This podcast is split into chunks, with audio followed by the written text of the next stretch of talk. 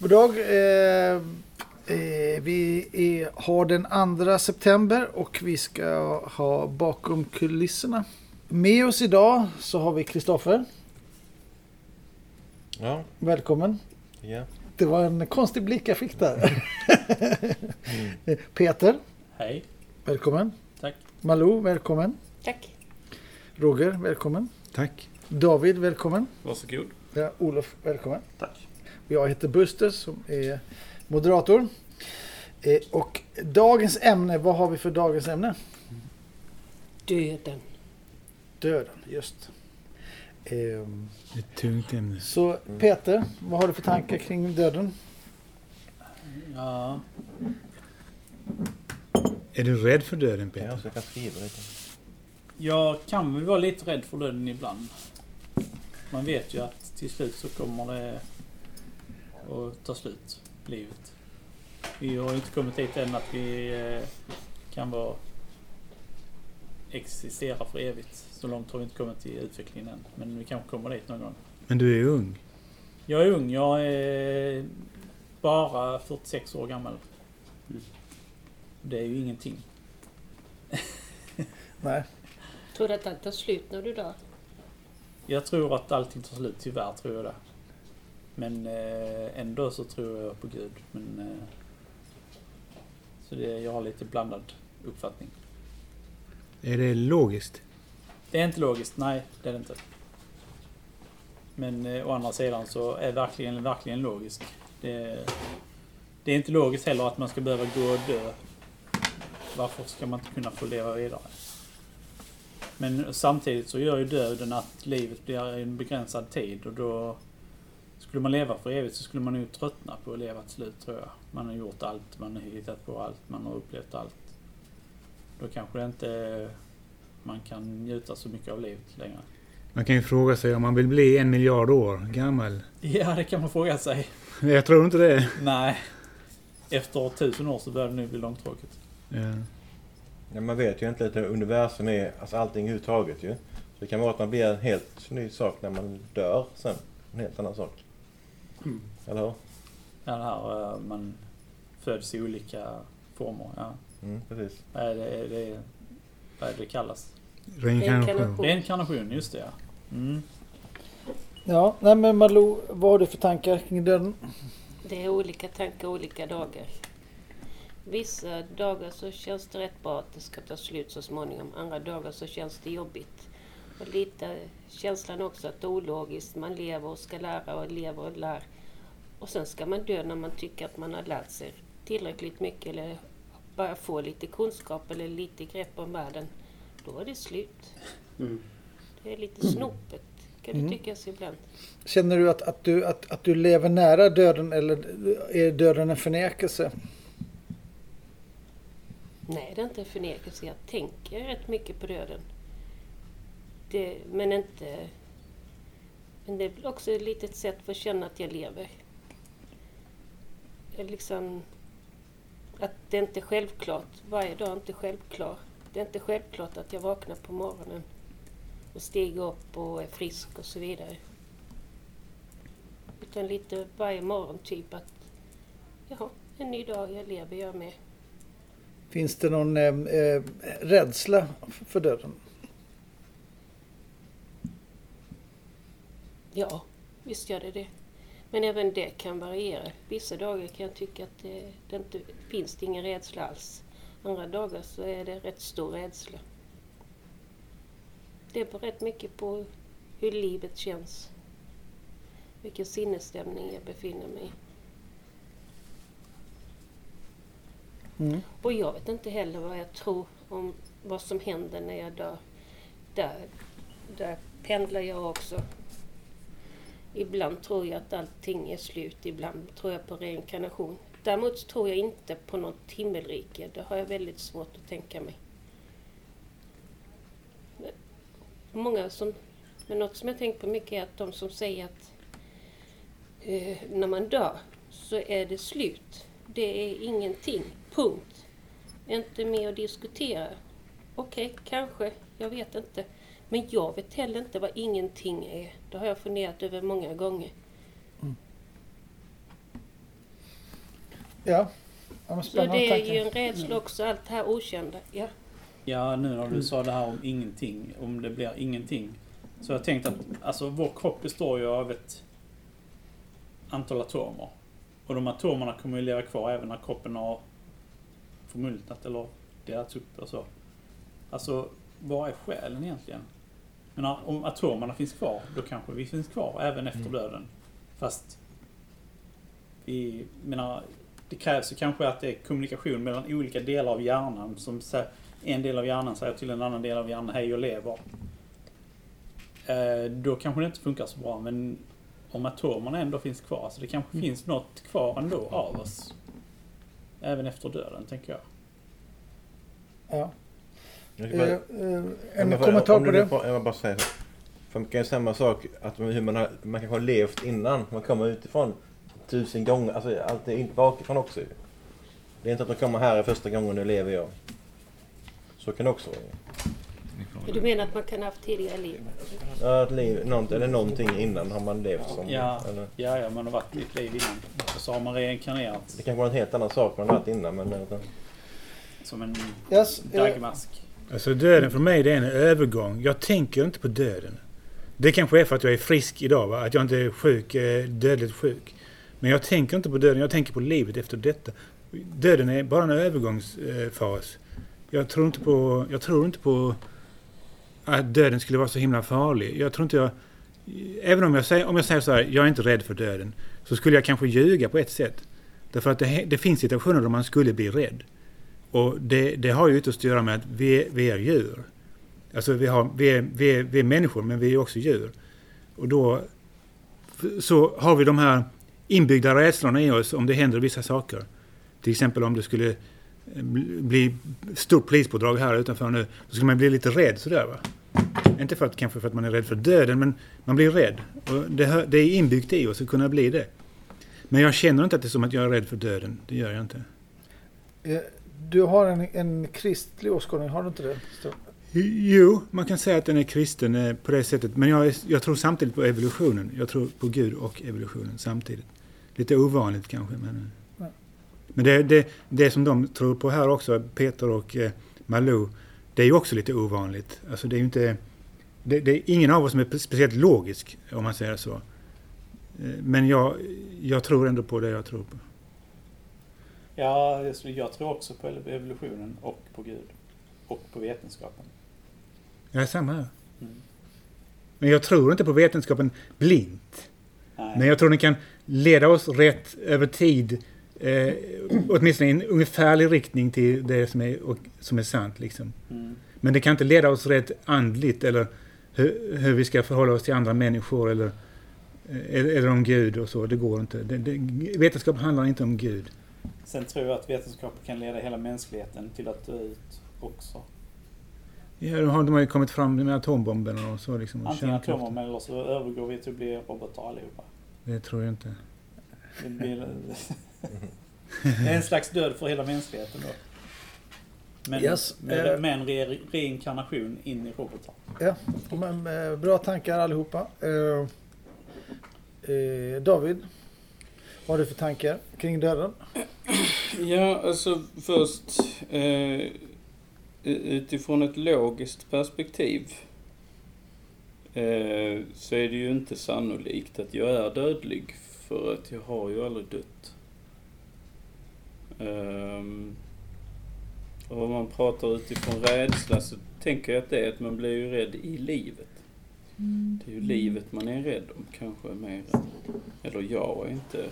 Jag har varit i situationer så många gånger där jag har, där det har kunnat sluta i, på andra sidan också så att jag, jag känner inte så mycket inför det. Utan det är ett skeende som jag är medveten om i något ögonblick i början och sen är jag ju inte längre vid liv. Liksom. Ehm, Så du har ingen rädsla för att dö? det är ju, det jag kan känna är ju empati i sorgen för mina efterlevande. Ja. Kan du ha en rädsla för eh, hur de kommer uppleva det när du dör? Inte rädsla, jag tänker att det.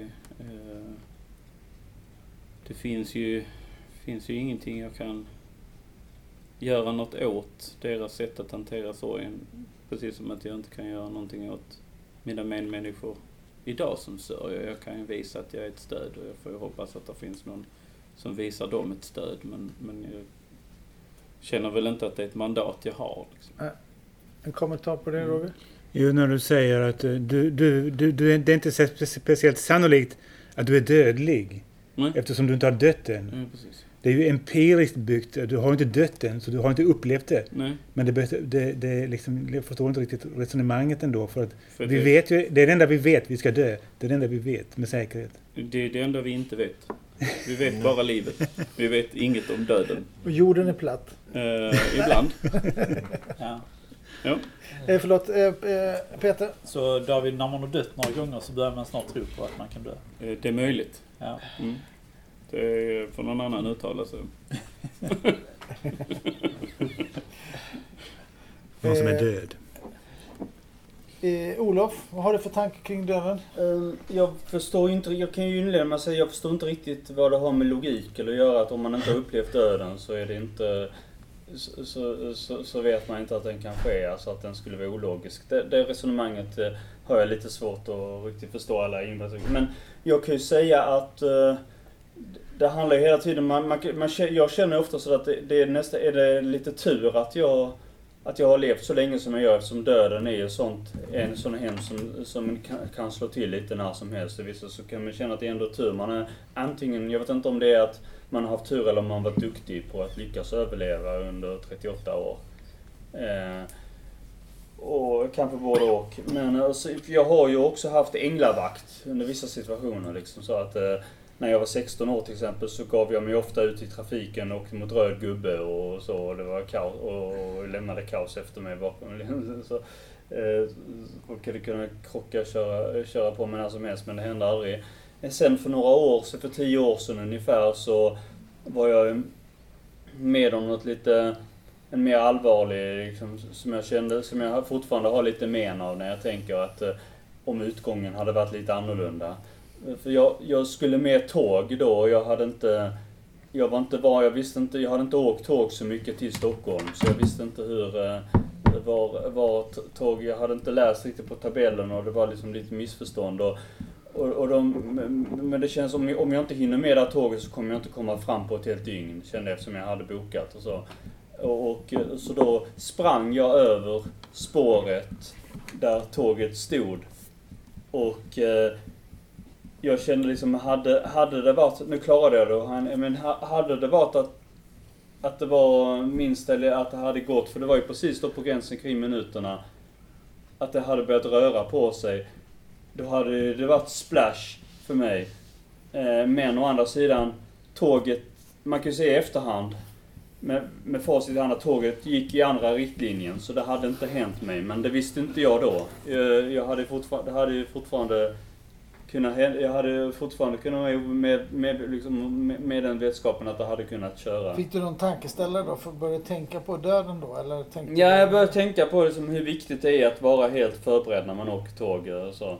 Alltså att inte, att inte råka ut för jag är inte säker på att jag inte skulle göra samma dumheter när man får panik. Jag vet inte vilka dumheter jag får när jag får, får Är du panik. rädd för att dö Olof? Jag är rädd för att utsätta mig för situationer där jag riskerar att eh, dö. Alltså snarare än att jag är rädd för att dö.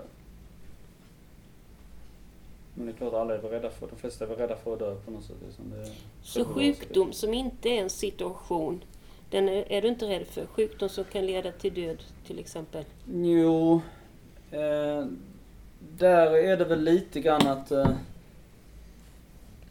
man, man, man, i allt, i allt, alltså om det skulle vara att man skulle få någon cancer eller något sånt där. Det, det har jag ibland sett så här man, man har så har kollat om man har, har några tendenser att man fått hud som är missfärgad eller så. Att jag har oroat mig för det då. Vad, vad innebär detta? Men det känns ändå lite grann, har man inte, om, man inte, om det är någonting som man inte har något fysiskt som man inte har känt, begräns, känt sig begränsad av eller någonting som man, om, man- om allting har en naturlig förklaring, allting som man råkat ut för, då finns det ingen, mening att gräva i det och oroa sig. Är, du inte rädd för lidandet då istället snarare? Alltså lidandet skulle jag vara rädd för. Eh, om jag skulle bli allvarligt sjuk. dödssjuk så skulle jag vara rädd för att lida, men jag skulle inte vara rädd för att dö. Jag är nog mer rädd för att, skulle nog vara mer vara rädd för att dö, att det slutar, att det slutar för tidigt. Men det är klart att jag är lidande är egentligen det värsta av allt om man säger rent, eh, rent logiskt. Men det är lite grann som någon var inne på också det här att eh, Vissa ser väl, det finns många som ser döden så ja, alla ska vi väl dö någon gång. Eh, så det är ju ingenting med det. Men, eh, men jag ser det lite grann själv som att eh, det beror på hur, mycket man, hur nöjd man känner sig, hur mycket man har hunnit med. Och det känns så mycket som jag känner att jag inte har lyckats tillfredsställa i livet. Så jag skulle... Så jag kan inte tänka mig, det är därför jag är liksom extra nojig så för döden. Och, eh, eftersom jag, jag är inte nöjd med vad jag har upprätthållit eller det, det jag har uppnått i livet. Så jag, eh, så jag, men om jag hade varit det så hade jag, hade jag haft, tagit döden med mycket mer ro också. Men om du dör vad, vad, vad, vad, vad tror du händer sen? Eh, Eh, jag tror ingenting, eh, så att säga. Eh, visst, man kan säkert vara... Man, man kan säkert att man kan tro att man är i himlen eller föds på nytt eller sådär, men det är ingenting, det är ingenting man själv vet i, den, i det tillståndet jag är ju nu, även om jag kanske får en chans att börja om på nytt, så kan jag ju aldrig, till, så kan jag ju aldrig ta tillbaka och reflektera. Och om jag kan, och om jag har samma minne som tidigare, så blir det ju hela ännu värre. Då har man förbrukat sin chans på det, det man trodde man skulle uppnå. Men ja, mer kan jag inte säga. Jag kan, jag kan fylla i där med... Alltså varför, anledningen till att jag är mer rädd för lidande för döden, det var att jag var med när min pappa dog. Och han kunde inte andas. Alltså han, eh, han, eh, han, I stort sett så krävdes han långsamt till döds. Ja. Och det har, fått mig, det har präglat mig i min, i min rädsla för, för... Alltså, jag är rädd för att jag ska få en sjukdom som är plågsam innan jag dör. Ja. När jag dör, det, det, det, det, det blir en befrielse i det läget. Men eh, alltså det här plåg, plågsamheten, Ja. det lidandet, det, jag det, det har jag svårt för. Eh, Mikael, som vi har fått in här nu, eh, som vi inte har presenterat, men Mikael finns, fick, finns också med oss här i panelen. Ja, Välkommen in i spelet. det är väl inget spel det här. Ja, men så brukar man säga. Ett, ett talesord. Då, då blir det ett spel och du, du vet det med, med dö, dö, döden då. Nej men, men alltså, jag, jag tror folk, alltså jag tror, jag tror att folk är mer rädda för livet än döden faktiskt. Folk skyller på omständigheter då. Att de kan inte göra vissa saker då. Skyller alltid på omständigheter. Är, det inte väder så är det ekonomin alltså. Eh, och då menar jag så här att Eh, nej, det handlar om överlevnaden då. Att eh, det är en viss fattig inställning. Nej, man ska vara sparsam och ekonomisk. Eh, utifrån ett ekonomiskt perspektiv. Att man ibland eh, väljer att... Nej, men det, det är saker jag har gått och grubblat på. Det här med, med vilken livsstil man ska ha. Och då är det så att man, man, nej, man ska fokusera på överlevnaden först och främst. Det, det är lite grann, uppfattar jag som att det är fattigdomen alltså. Att man är dömd till att vara fattig. Men nej, det viktigaste är att vi... vi Du menar att det är en rädsla det och att leva fattig? Ja, ja, att, att det, det, fattigt- det, det är liksom döden menar jag då. Eller att det är som döden då ungefär. Eller värre än döden? Ja, ja det är det nog. Inte i Sverige väl, men kanske i Indien eller Nej, nej, nej, Afrika det där är ju en inställning pratar jag om nu. Att, ä, ä, Man kan nu vill jag inte döma hur, vart, eh, vart fattigdomen är men det verkar ju ibland som att eh, man, man sätter sig själv i den här fattigdomen genom att tänka så. För, för allting är mer eller mindre ett sätt att se det. Ja, nu har jag en mängd pengar. Vad ska jag göra med dem? Nej, de ska vi spara. Menar det, du? det, det, liksom, det, det, det ska vara en livlida. Nu är vi rädda för döden här. Liksom. Jag blir av med jobbet. Eh, ekonomin kraschar och det är döden. Det, det, det, det, det sägs ju att det, det finns ju få saker som skiljer am, som skrämmer amerikaner så mycket som the, the fiscal cliff. Att det, det jämförs med det, det, jämförs med apokalypsen nästan och det är under, det är att eh, det är, det är någonting, någon ekonomisk term att eh, underskott, att det, det, man står inför alternativ. Ska man, ska man sänka skatten eller utgifterna eller ska man göra både Alltså att om man, om man, om man om man, om, om, ska, man, ska, man, ska man sänka utgifterna och täcka den med skatten eller inte? Liksom det, det, är den, frå- och det är den frågan som skrämmer, en av de som, är, som skrämmer amerikaner allra mest. Men det, men det var väl så att vid börskraschen i Amerika, Ja, då var det många amerikaner som tog självmord. ja. Vad menar du med fiscal cliff? Jag förstår inte. Ehm, ja, det, det är en, eh, en term, eh, jag vet inte riktigt vad den svenska versionen heter. Vad, vad, eh, det fiskala stupet heter det på... Vad, vad innebär det? Innebär det att, att, att, man, att man, om man sänker skatterna så får man mindre råd till allmän sjukvård? Ja, man måste, ha, man måste höja man måste höja skatten för att eh, täcka och minska utgifterna. Eller, alltså nu, nu kommer vi in på något annat, så det här var bara ett exempel. Så vi, jag kan redogöra för det vid något annat tillfälle. Ska man höja skatten för att minska utgifterna? Man menar Men alltså jag, alltså jag tolkar som att, eh, att eh, för många amerikaner är ekonomin så viktig eh, och den här eh, hur man ser Mm. ut mot andra och, och, och, och, och ryktespridning och sånt där. Att det kan vara värre än döden att, Ja. att eh, vara utarmad. Eftersom det är en sak som är, det, är- men det är en sak som är teoretisk, precis som när man pratar om arbetslöshet. Det finns ju olika former av arbetslöshet, men om vi tar den naturliga, den som ligger runt 2-3% så är den ju mestadels teoretisk. Även om det kanske visar sig illa. Folk kanske, folk kanske far illa och tänk, att de tänker på det att ja men om det finns ett annat land som har 1% arbetslöshet så ser det värre ut om vi har två. Om, även om det bara innebär, även om det bara är teoren, teoretiskt att folk växlar mellan olika jobb och sånt. Att det, att, att det är någon sån här självkänsla, liksom sådär på något sätt. Att känslan är det egna. Men hur som helst, vad jag förstår, att, att, att, att ekonomin, att, eh, att det var värre att ha det dåligt ekonom, ekonomiskt än att leva för vissa. Att det var så viktigt att Ja, ha det bra ställt och Ja. ha en bra position i Ja. samhället. Om man inte hade det då, då, då gick de och tog självmord istället. Vad var det så? ja till och med, det är till och med mer eftersom det var mer teoretiskt. Det fiskar, eftersom det inte berör alla på samma sätt. Men det är att den amerikanska staten hade ett visst underskott, eller vissa i alla fall ett visst stup. Och att, och att folk tog, men, men jag vet inte, de som blev av med sina jobb och sånt där. Där var väl mer att de, hade, att de verkligen blev av med sina jobb på riktigt. Och där var det väl inte någon, någon enstaka. För det, det är skillnad vad som är, liksom, vad som är teoretiskt och vad som berör folk så att säga. Även om det ibland kan liksom... Yes. eh, Kristoffer, Mm. vad tänker du på Mm. när jag säger döden? Nej men sen är det död, om man nu pratar om sig själv. Så har jag varit med en sjukdom ju. Då låg jag på med respirator och med blödningar och allt detta i, i hjärnan. Va? Så jätteallvar. Då var det ju det att de visste inte om de skulle klara mig eller inte ju. Och Så där är Så du har varit nära, eh, så du har varit nära döden? herpes encefalit heter det. Som, det så det, det är dessutom, dessutom eh, blödningar. Tycker du att det har ändrat dig som person att du har eh, eh, eh, varit så nära personligen att, att, att, att dö? Ja, inte nu men alltså den första tiden så förstod man ju inte ens vad livet var för någonting riktigt sådär ju. Då förstod man ju inte det men sen så, ja nu är det annorlunda ju. Hur, när du, Men man ska få när säga du som var så anhö- nära anhöriga. Då, Har du någon minne? Vad, vad, vad, så hur ser din bild ut när du mådde som sämst och du höll på? Och det, får man fråga det? nej. Det har jag inte. Men hur är det där? För egentligen så visste man inte riktigt om det skulle vara eller inte. Alltså skulle det klaras med eller inte. Nej, nej.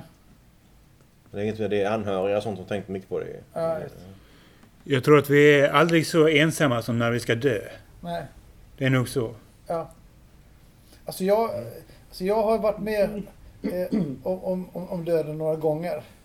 Eh, alltså både det gäller Är min... du zombie eller? Har du Alltså- varit med om döden? Nej, inte riktigt så. Nej, men eh, jag har varit med om dödsfall några gånger. Mm. Ja, eh, så båda mina föräldrar har gått bort. Eh, eh, några av mina husdjur har gått bort. Eh, sen så har jag jobbat på åldringsvård så jag har varit, haft en del. Men, men eh, generellt sett som, som, som alltså, jag känner så otroligt fysisk skillnad i det här när man eh, alltså i den värmen och mjukheten som vi har mot sen när någon är död, hur den här stelheten och kylan, alltså den här energin som, som är borta liksom. Eh, Ja. och det här eh, liksom, eh, eh, totala, vad, heter det, alltså det finns ingen återvändo utan allting är så bes- bestämt, eller vad heter det? Någonting är så, Deterministiskt. eh, alltså det går aldrig att gå tillbaks till det läget, alltså det går aldrig. Slutgiltigt. Det är slutgiltigt, Mm. Alltså det, det är liksom att, eh, alltså ena stunden så var min mamma där och Mm. nästa stund så, så var hon inte där. Och hon, hon kommer aldrig tillbaka. Alltså det är så definitivt på något sätt. Och, eh, och det, ja, men det, det är liksom det här... Det, eh, ehm, Och du menar din mamma dog? Eh, nej, inte när hon dog, dog. Men eh, alltså, jag, var ju med under processen. Tyvärr så var det ju corona så vi fick inte komma... Alltså, så att... Eh, ja, hon var nästan dödförklarad och sen så kom mi, mina barn in eh, till henne. Eh, och så bara reste hon sig upp. Och, vi, och sen så var hon hur pigg som helst. Och så var hon där liksom hela kvällen med mina barn. Liksom, och, så, och sen så eh, nästa dag så föll hon in liksom, i samma koma som hon var innan då. Mm. Men det, det är intressant för jag Ja. fick ju reda på nu, eh, nu i våras att, eh, att min, min farfar var döende. Det var någon gång i april. Och någon sådär början av april tror jag. Och då var sen, var jag, sen var jag hemma och, jag var hemma och sa- satt och pratade med honom på tu man hand liksom så två och två som han gjorde med sina flesta barnbarn. Och var, satt han med mig då på valborg och sen var han han höll sig någorlunda pigg. Ett tag trodde vi inte att han skulle orka så mycket men han höll sig ganska igång. Sen kunde han fira sin födelsedag första juni nu så var vi iväg och allting. Men sen, men just den dagen liksom bör, så började han bli då, liksom så, men han, han kunde vara med om det. Men sen efter, precis efter sin födelsedag så blev han aldrig sig själv. Att han, han fick uppleva den, den, den stora stunden liksom så, när Ja. man kunde träffa de flesta av sina barn, barn och barnbarn och alla sina vänner och så. Men sen eh, hämtades han, så föll han i koma ett par dagar efter och så Ja. sen låg den en vecka så dog han eh, drygt en vecka efter sin födelsedag. Ja, och så blir det så definitivt. Ja, då blev det väldigt definitivt. Ja. En, en vecka sen som han, vi satt där liksom och han firade, alla, vi firade alla liksom så släkt och sånt. Och, Ja. och, och sen liksom helt, han var helt, och sen var han helt borta ur allting. Ja. Liksom, så. Men jag tror på, alltså jag tror inte att, att döden är något, eller alltså, alltså jag tror bara det är en, en del i, i våran eh, alltså, res, resa på något sätt. Mm. Det är liksom att vi, alltså precis som en fjäril har varit en larv och sen så kommer in i förpoppningsstadium måste bli något helt annat. Ett övergångsstadie helt enkelt. Eh, alltså, jag, jag tror det, alltså, eh, alltså det är bara vad jag personligen tror liksom. Eh, och, och, och sen så att, eh, och därför är det så intressant också att allting som man lär sig kommer man alltid ta med sig, tror jag. Därför är det så viktigt att, alltså, när man slutar att vilja lära sig någonting så, så dör man på något sätt. Eh, eller att man, att man inte vill utvecklas. Många vill ju säga att man, vill, man, man ska uppleva så mycket som möjligt medan man är i livet. Så att man har någonting, ja, jag vet inte om man ska ha det med sig i nästa liv, eller det beror väl på vad man tror på. Men, ja, nej, men precis. men det, det blir väldigt hype på upplevelser och så liksom. Ja, men och, och, och sen framförallt, alltså just det här, kommer tillbaka till den här, liksom den här värmen, eh, alltså energi. Liksom, eh, eh, om man dör så försvinner ju den energin. För det, det blir ju så märkbart för det blir helt kallt. Alltså det är ju med att maskineriet slutar fungera. Den energin försvinner någon annanstans. Och, och var, var försvinner den energin? För den eh, eh, är inte så att den eh, går upp i luften utan det är ju bara att den, den, den, den, förflyttas till någon annat ställe. Och går vidare till något någon annan plats, tror jag. Tror jag också. Och sen så om det är ett medvetande eller om det är ett... Vad det är för någonting. Det är i alla fall ett energifält som, som, som förflyttas någonstans. Ja. Men man tycker, man, tycker man, alltså man kommer inte ihåg någonting vad som varit innan. Det är det jag menar på ibland. Alltså de säger att detta går varje, kommer något nytt. Men det känns inte som att nu kommer jag ihåg att detta har jag varit innan. Detta har hänt Nej, innan. Eller nej, vad. nej, precis. så jag menar, är detta nummer ett? Det tycker inte det borde vara så. Alltså, det, det borde finnas saker innan också. ja, men det vet man inte. Det är det som inte- Ja. Men det tror inte jag Man, på. eh, Malou hade uppe handen. Mhm. Nej, jag tänkte på lite det du pratade om det här med hur den här värmen och sen så var det kallt. Ja. Och hur, du pratade om när din pappa dog och det här med smärta. Men jag, jag funderar på det med rädsla och döden. Jag har hört många som har berättat att de har varit rädda för döden men efter att ha sett eh, någon som de har tyckt om gå bort så har de förlorat rädslan. Just därför att ett ansikte hos en människa som är plågat plötsligt blir ett utslätat, fridfullt ansikte. Och att det har gett dem styrka Ja. senare på något sätt. Ja. Min, min pappa när han dog, hans ögon mattades av väldigt snabbt. Väldigt snabbt alltså. Det var, gick på bara några sekunder. Och så såg man att han var död. Men eh, alltså, han levde något fruktansvärt. Men han var ju, han var ju så att säga, inte vid medvetande när han dog. Och hans ansikte blev ju inte utslätat eller så här, utan det var, såg ut precis som förut. Liksom. Så han var ju, han var ju eh, i, i någon slags koma när han dog. Men innan dess så fick han ju lida väldigt mycket. Och, Ja, ja. Nu har vi gått eh, var, var, varvet runt så, så nu är det fritt. Eh, David, eh, Ja, sist det där. Jag, jag har också eh, fått vara med när ett antal människor har dött. Eh, och bland annat min mormor och där känner jag, hon, hon var ju också nedsövd så hon var ju försatt i, i eh, medicinsk koma. Men hon var ändå närvarande för hon, hon kämpade liksom emot sina smärtor. Men när jag rörde vid henne och satt och andades lugnt bredvid henne så blir hennes andning också lugnare. Så någonstans så fanns jag ju med henne i den stunden där hon släppte taget.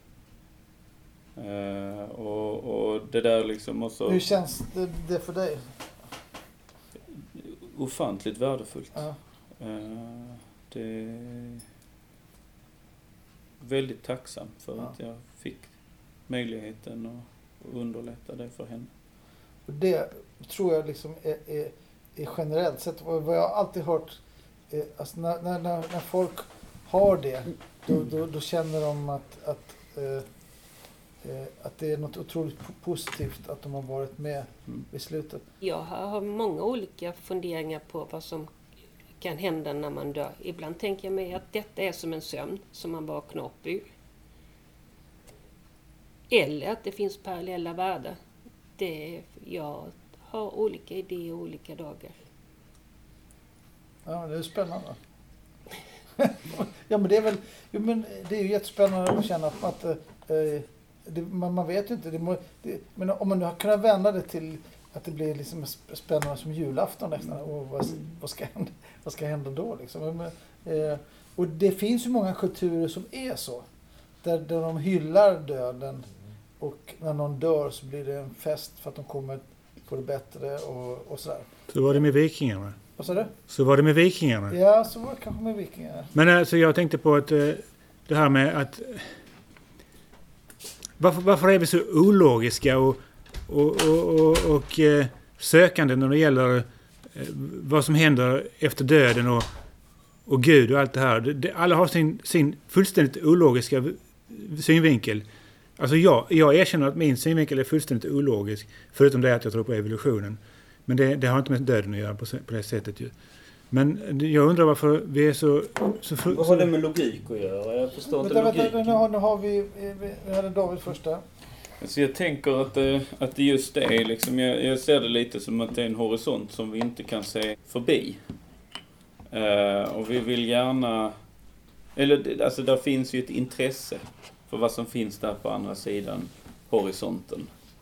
Uh, och, och att det, det, um, det, det, där finns många gissningar och vissa människor håller med varandra och andra har en egen idé om de idéerna som finns och så här men ingen av oss kan se förbi det. Jag tror att det är en frustration i grunden i det egentligen. Eh, Men den kommer från en nyfikenhet snarare än en rädsla, tror jag, med de flesta människor. Olof, han en, en inflik. Ja, alltså jag förstår inte riktigt vad det har logik göra. För brist på logik, alltså när någonting, det är att det är en matematisk självmotsägelse. Men det här har ju inget med matematik att göra. Det här är ju spekulation och vis, visserligen, det kanske inte det kanske inte forskningsmässigt så här relevant, alltså vad, vad man liksom så här, vad, vad man kommer fram till evolutionsmässigt så, men det har ingenting med logiken i sig att göra eftersom logik bryr sig har ingenting med huruvida det är något övernaturligt eller inte eller någonting som är existentiellt utan det är ju när, någon, när det är en matematisk självmotsägelse. Det finns ju ingen matematik i... Det är just det jag menar. Vi, vi spekulerar fast vi Vänta. inte vet. Eh, vi, nu, nu, har vi, nu har vi Malou och sen eh, Roger. Ja, det är väl mitt svar på det Roger sa. Det är det att, här att det finns så många idéer och så många olika religioner och så vidare. Det beror väl väldigt mycket på att vi inte har kunskap. Då fyller vi ut, då funderar vi ut någonting. Och det är som många säger, att det är ju ingen som har kommit tillbaks och berättat hur det är. Jo, Nej. de säger det. Ja, du, ja De- okej, de som du säger Nej, jag tror inte han har berättat hur det var att vara död i alla fall. Om du nu tänker på Jesus, så tror jag inte det. Eh, Roger? Nej, alltså det, det är väl det jag menar också lite grann. Alltså, han säger att det är inte logik. Det är ju sant det han säger. Alltså logik är, är ju mätbart så att Ja. säga på något sätt. Men, men det är ju det att vi, att vi spekulerar trots att vi inte har någon kunskap om det. Varför spekulerar vi om det? Det är ju ologiskt att göra det. Men jag tror att det har med hela våran livsåskådning och, och, och, att göra. Det att vi, vill, vi vill alltid ha svar. Och, och där kommer ju lite, precis det som Malou säger, att då kommer den här log, våran log, logiska hjärna vill ha ett svar. Och om den inte kan få ett så, så rubricerar den en själv och man fantiserar kanske. Jag tycker det är mycket bra poänger, både du och eh, som du säger här. Jag skulle säga det, för det är inget ologiskt heller att tänka sig att det finns en skäggig gubbe som styr, som styr det mesta som har skapat världen i himlen. Precis som det inte är ologiskt att det finns, eh, att det finns rymdödlor som avser försvara. Men så, det är inget ologiskt i sig. Det- Däremot kan en del teorier om det vara ologiska eftersom de motsäger varandra. Ja, kanske är det ologiskt. För då kommer ju nästa fråga. Vem skapade Gud? Mm. Jo, då, där på så sätt kan det vara ologiskt. Men, Det är väl ägget och hönan där, va? ja. Ja. Ja. Men eh, du hade den bästa poängen tycker jag. Jag tycker det är- Ja. Så du har vunnit idag. Han har vunnit ja. Han, har vunnit. Han, han slipper döden. Du har vunnit en äggkläckningsmaskin. Oj. Har ni det? Den, den, den, den finns i bondespelet.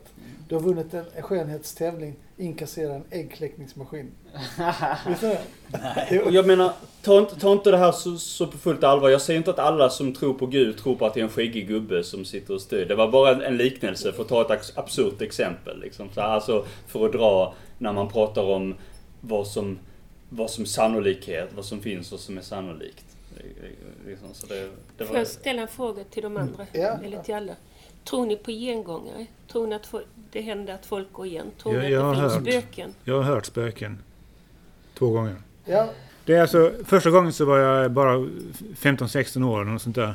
Och hela familjen, vi var uppe i Arboga där min, min mormor och morfar bodde. Hela familjen åkte till stan och de låste alla dörrar när de gick. För då sa de noga till mig att vi låser dörrarna så ingen kommer in och så. Och så, jag vet inte varför de gjorde det för att det var, inte, det var på den tiden när det inte var så mycket brott. Men i alla fall så låste de dörrarna och sen så, så satt jag i, i vardagsrummet och så hörde jag trappen upp till vinden, eller till, till ovanvåningen. Så knarrade det liksom, när någon går, som någon, någon går i trappan, för det var en trätrappa, en knarrig trätrappa. Det knarrade hela vägen ner och sen försvann allt ljud. Och man hörde ingenting på ovanvåningen fast det var trägolv där också. Men det gick ner. Och det, det var bara tyst. Bara gick i trappen, någon som gick i trappen. Och andra gången var hemma hos min mamma för några år sedan. De har ett korsvirkeshus, ett gammalt 1800-talshus eh, i Lövestad eh, och, i Lövestad by. Och där var det så att eh, jag hörde någon som plötsligt kom in genom dörren. Alltså öppnade inte dörren, utan in på stengolvet med någon slags gammeldags skor. Det hörde man på ljudet. Liksom. Det var, man bara visste det, det var gammeldags skor. Sen satt han där ute i, i, i korridoren i kanske en kvart och hostade, eh, TBC-hosta. Det var ju, alla andra sov, det, det, det var helt oförklarligt. Va? Men så, så var jag... Så, men du vågar inte gå ut dit. Eh, jag, jag tänkte väl, jag har väl ingen lust att gå ut. Och sen tänkte jag att det var väl lite, lite skräckinjagande då. Men, men jag tyckte att jag hade ingen anledning att gå ut där. Jag sov ju i sängen. Jag ska gå ut bara för att visa att, jag, att det här får du inte vara. Eller så, vad ska jag göra? Jag, det är ett spöke ju. Ja, men vad intressant. Eh, eh, Olof? Jag, jag har väl varit med om något liknande eller sådär liksom spökeri i samband när jag var på något läger för några år sedan. Men jag vet ju inte hur mycket det är att man har hur mycket det är egenupplevt eller att det är någon psykologisk effekt. Att man upplever, man tänker kanske mer, blir mer observant på ljud och vindar och sådär när man triggar varandra. Det vet jag ju inte riktigt hur så. Men det är också skillnad på, tänker jag, spöken och såna här eh, andar. Liksom sådär. För det kan ju vara andar det här man, man säger liksom så. Det är i och för sig fortfarande något övernaturligt. Men spöken är väl kanske mer specifikt att det är eh, att det är en viss typ av varelser som eh, lever för att hemsöka. Så det är inte riktigt samma. Det är kanske lite svepande när man pratar om att man har sett spöken. Alltså det kan ju vara vanliga, liksom helt enkelt andar. Eller så att man upplevt andar i rummet. Liksom, som man... Eh, har vi någon mer som har någon kommentar på det? Det, är- det, det är väl några som säger lite det här med att, att, att, att det är själar som, som, som har svårt för att acceptera att, Att, de att finna har, ro. Liksom, så. Nej, men att det är svårt att acceptera att de har dött. Ja, precis. Att de är envisa, så nej jag har inte dött. Eh, kan du ha någon tanke på det? Ja. Så, så, så, som du sa, att, att, eh, att när, de dö, när man dör så försvinner energin ur kroppen. Och jag får väl nästan säga att jag tror faktiskt att den där själen dör faktiskt. Det är väl, det är väl bara det att, att den, den här, om det, de här spökena, de har ju ingen fysisk kropp eller fysisk hjärna så de kan inte tänka. Det är bara ett fenomen som, som, som, eh, som händer alltså. Och, och det är väl någon spår av den här individen då, Ja. tänker jag. Så att, nej, spöken, de kan inte tänka. Det finns sådana som har fått för sig kan prata med spöken då och andar. Ja. Och, och det medvetandet manifesteras ju i så fall på en annan nivå då, eller Ja. i dem då, eller förmodligen. Ja, Men visst känns det, så- alltså jag, jag, Och om, om de här spökena har ett medvetande, jag tror ju att, att det är demoner som håller på och, Ja. och, och lyckas eh, med deras minne åt, eh, återskapa Mm. de här... eh, alltså jag tycker liksom att det, det känns Att det är alltså att, jag menar att, att det är spökena, det är demonerna, men själva händelsen och, och, och individerna, de, de lever ju inte längre. Nej. Och ehm, det här att eh, folk, några har de här tankarna på att, men för du var in, lite inne på det Malou, att eh, det finns parallella världar och jag menar om man då kommer in på vad, vad är tid? Och, och ehm, det här med då och nu och eh, alltså framtid, nutid och, och, och dåtid. Eh, och ehm, parallella världar. Men det kanske kan vara så liksom att ibland får vi en insyn på, på en annan dimension eller en parallell värld. Och att det är det som gör att plötsligt vi får en känsla av något annat liv. kanske. En sak kan vi ju vara, vara överens om i alla fall. Och det är att det är väldigt döden, efter, livet efter döden, det är en väldigt subjektiv bild vi har av det. Ja. Det, har- det har vi ju. Ja. Alltså alla har ju sin version av eh, död, efter, livet efter döden. Ja, Eller om vi, det finns något liv överhuvudtaget. Ja, för vi relaterar ju till hur vi lever nu. Det, det kanske är någonting helt, helt orelaterbart för oss. Att kunna relatera till vad som händer efter döden. Eller, Jo, jo, jo, visst är det så. Vi kan ju inte relatera till någonting som vi aldrig har upplevt. Nej.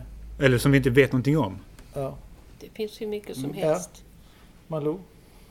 Ja, vad folk tror om dödshjälp till exempel. Eller, eller vad de andra här tycker om dödshjälp. Ja. Mm. Shoot. Ja, alltså jag kan inleda med att säga att eh, jag tycker det är hemskt i de fall där patienten får lida Eh, en, ma- en massa och eh, och det, finns, och det finns ju också läkare som har, det finns ju sån här palliativ, palliativ vård där, där de släcker livet för att inte, för att, eh, för att patienten för att de tror att det är bäst för patienten. Och därför så, där, då är det ju lite hyckleri att de inte också ska kunna bestämma över det. Om läkarna kan bestämma, varför kan då inte patienterna själva lämna något önskemål om det? Det kan man fråga sig tycker jag. Men då, då, då får man ju skilja på aktiv dödshjälp och passiv dödshjälp. Alltså om man ska ha aktiv dödshjälp, då, då har man det slutande planet. Va?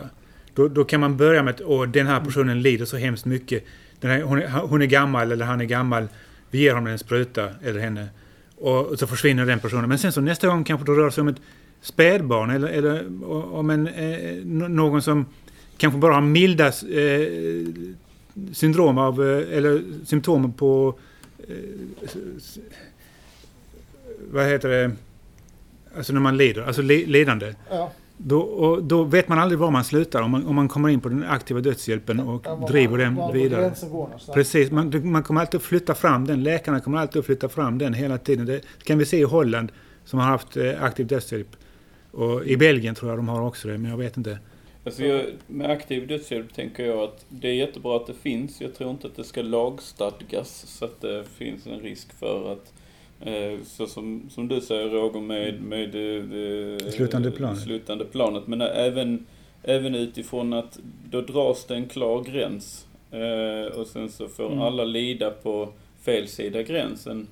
Eh, om det är olagligt men går att alltså, mörka rent journalmässigt så att ingen blir den skyldige inom vården som, som gör det så kommer det ju skötas med större eh, alltså, Så lär det väl vara idag va? Eh, Så, precis så som det ser ut idag. Eh, Jag tänker att det borde vara mer praxis på att inte lägga tid, så mycket tid på det här i domstolarna. Mm. Eh, Men, men jag tror att det är farligt att eh, utifrån ett vårdperspektiv. Sen tycker jag att enskilda individer eh, också ska, alltså även utifrån ett rättsperspektiv, att man kanske inte ska ha praxis att, att, då, att det ska handla om mord bara för att man liksom har en partner som har lidit i fem år.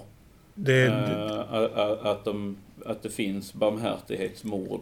Uh, så att det, det är, absolut ska man vara vaksam för övernyttjande utav lagen. Men jag tycker också att det går att peta in uh, mjukare inställning när det gäller jag håller Ja. med. Jag håller För det med. finns ju andra länder som har, eh, som har någon form av lite, som är lite snäll, som har lite lättare lagstiftning. Och det, det, det är det som en del utredare syftar på. De som har, de, de som har ungefär regelverk som är lite, men med lite större flexibilitet. But Nu vill it- Peter, Peter säga något. Peter och sen Malou. Ja, jag tänkte på det här aktiv dödshjälp. Då finns det ju det här den gamla ättestupan. Som är en, en, eh, en legend om att i fornnordisk i forn, i det gamla fornnordiska samhället så när gamlingar de inte längre kunde försörja sin egen, sin eget uppehälle så skulle de kastas ut för ett brant stup och, och dödas liksom. Att då var de, tillförde de ingenting till samhället längre. Så att, Det låter mer som morden. Ja, jag tycker det. Det låter Mer som som dödshjälp. må, rent mord än någon dödshjälp. Ja. ja, alltså det är ju rent mord, men jag menar det slutande planet, det skulle kunna landa där någonstans. Ja. Men ättestupan är ju mord. Det, det det, Nu- jag tror inte det har funnits. Nu, nu har vi. Malou på Bara, kommentaren. ett- bara ett inpass på den pratade om, eller s- att eh, vi, det här med att vissa länder har aktiv dödshjälp. Som Schweiz till exempel, var det jag skulle säga. Det är ju folk som åker dit och körs dit för att bli avlivade typ. Det låter hemskt. Och körs dit för att bli avlivad. Låter Ja. som en hund. Ja men tänk när djur blir avlivade. Fast då har de ju själva bestämt det. Ja, Jag vet inte vad de har för regler i Schweiz, hur de har, om de, om de, vad, vad de har, hur, hur godtycklig den där gränsen är när det gäller just om det, om det är det bästa, om det är den bästa liksom. bara snabbt inflika obehagligt liberalt. Ja. mm. Peter? Nu när vi pratar om döden, kan vi ju prata om djurs död också då. Alltså Ja, jag såg en, eh, en dokumentär om hur, eh, hur det går till när de kläcker kycklingar. Och då är det så att eh, vissa, jag tror det är de tupparna, alltså de- hankycklingarna, de, de är inte värda någonting. Så de rullar på, när de är kläckta, så ligger de levande på ett löpande band som, och så ner i en kvarn. Så de liksom mals sönder direkt där. Och jag tyckte det var läskigt att se det, men okej, de kanske dör ganska snabbt av det, men det är ändå, alltså jag tyckte det var ett brutalt sätt att liksom... Ja, men det, Alltså det var bara löpande band, alltså de, de sorterade, det gick jättesnabbt liksom så. Så Ja. det ena löpande bandet, då överlevde de, kom de till burar och sånt. I det andra Mm. löpande bandet så sorterades bort, det var hälften ungefär. ja, Så var det ner i en kvarn och sen, Jag såg det också. ja. ja, det är sjukt. Och det såg ut som att de här kycklingarna hade ren dödsångest för de trampade och trampade för att komma ett steg Mm. bak. Ja. De märkte att där var slutet på något Ja, sätt. ja, precis. Mm. Nej, det är inte roligt. Ja. Så hur man, hur man ser på döden där, alltså då är det ju inte döden värt något längre. Alltså, Bara för att man tänker att de här kycklingarna har, ingenting, har ingen röst. Nej. De kan inte säga vad de tycker. Nej. Är det så att, att vi har en, en, en, en eh, tror ni att vi har en mörkare syn på döden här i västvärlden än vad man har på andra, i, i andra länder? Ehm, Kort svar ja. Långt svar. Nej. Ja men alltså det, det är ju så det, att... det är faktiskt längre. Det, det är ju så att förr i tiden här i Sverige också, i hela västvärlden, så var ju döden allestädes närvarande. Vi dog som spädbarn, vi dog eh, i vuxen ålder. Det var sällan man levde upp till 60-70 år. Ja. Då, då är ju döden alltså mer naturlig, eller Ja. mer närvarande åtminstone. Och det speglar ju samhället som sådant. Är det så att vi kommer för lite i kontakt med döden här? Så att, vi är näst, så att det blir nästan så att det blir en förnekelse på, på något sätt? Nej, jag tror inte det. För jag menar, om du nu pratar lite om logiken, där, jag menar, det logiska i att, att faktiskt se någon som verkligen är död. Det är ju logiskt. Men att om du, när din eh, anhöriga eller farmor eller farfar bara försvinner så blir det så ologiskt. De ser dem aldrig liksom. Eh, eh, nu var det många som eh, började med Peter. Du sa i västvärlden, men alltså hur ser de på döden i Indien? För att är det inte så att de bränner liken på gatorna liksom i högar? Alltså det är ingen, inga begravningar Nej. utan det, det är bara bränn det och bli av med Ja, skiten. Liksom.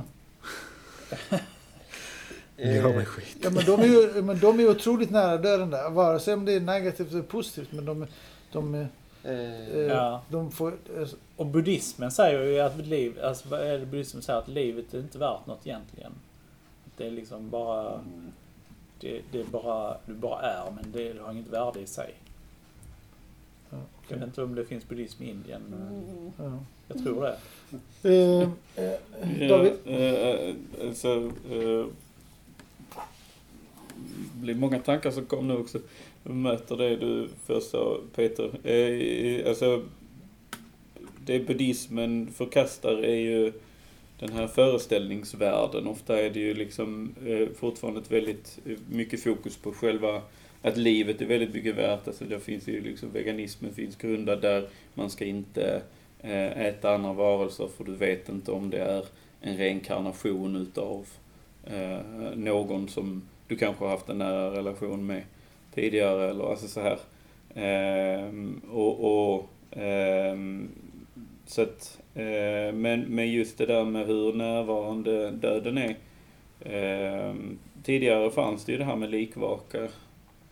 Eh, där människor faktiskt fick ha en öppen kista och gå och titta och känna på att det här var Mm. inte längre människan man hade en relation med utan Ja, det var en död kropp. Ja, Eh, Men nu finns inte det med utan man bränner upp kroppen och så är den urna och sen så. ja, Eh, Och själva liksom ceremonin i kyrkan är ju inte någonting som de flesta har en relation till. Min erfarenhet är ju att det känns lite pinsamt liksom. Ja. Att, att det oreras väldigt mycket. Ja. Eh, Men ingen kan relatera till det prästen säger. Yes, Olof? Ja, jag, jag kanske låter... Det är möjligt att jag låter lite reaktionär nu, men jag tycker att man borde ha...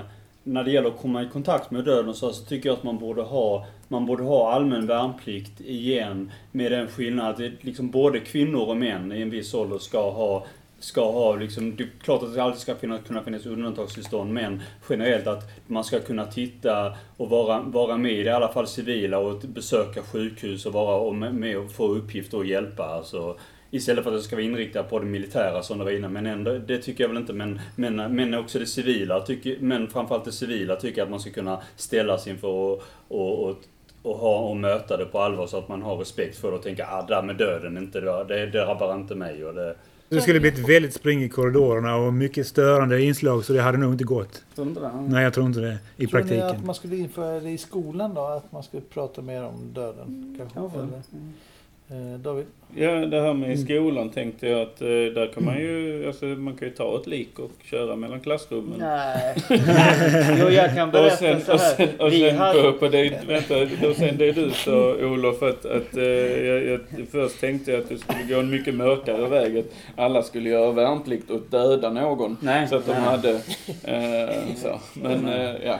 Ja, men det kunde vara istället för flårtant. Nej men jag menar idag räknas det Istället som att... för, för flårtant så kommer liktanten. Nej det är inte så, det var inte så jag Det tänkte. var ju så här att på, på, på min gymnasieskola så hade vi ett sånt här riktigt skelett då. Mm. Någon som hade blivit, eh, som hade donerat sin kropp till vetenskapen. Så vi hade, hade ju ett sånt där levande skelett i en garderob i biologisalen. Och, och, alla i min klass trodde, jag gick ju naturvetenskap, att ja det där är ett plastskelett. Men jag visste ju att det var riktigt. Okej. Ja. Ja, Jag tycker ju det. Jag, jag tycker ju det att jag tycker att alla ska, alla ska tvingas utsätta sig för de mi- miljöer under uppväxten liksom så att man vet så att man inte är, tror att man är en skyddad sfär där, där med döden bara är någonting. Det drabbar inte mig, det drabbar inte, jag behöver inte tänka på det här och det här. Ehm, Ja. jag tackar för en intressant eh, livsåskådande diskussion. Ehm, och eh, tackar allesammans. Tack för idag. Varsågod.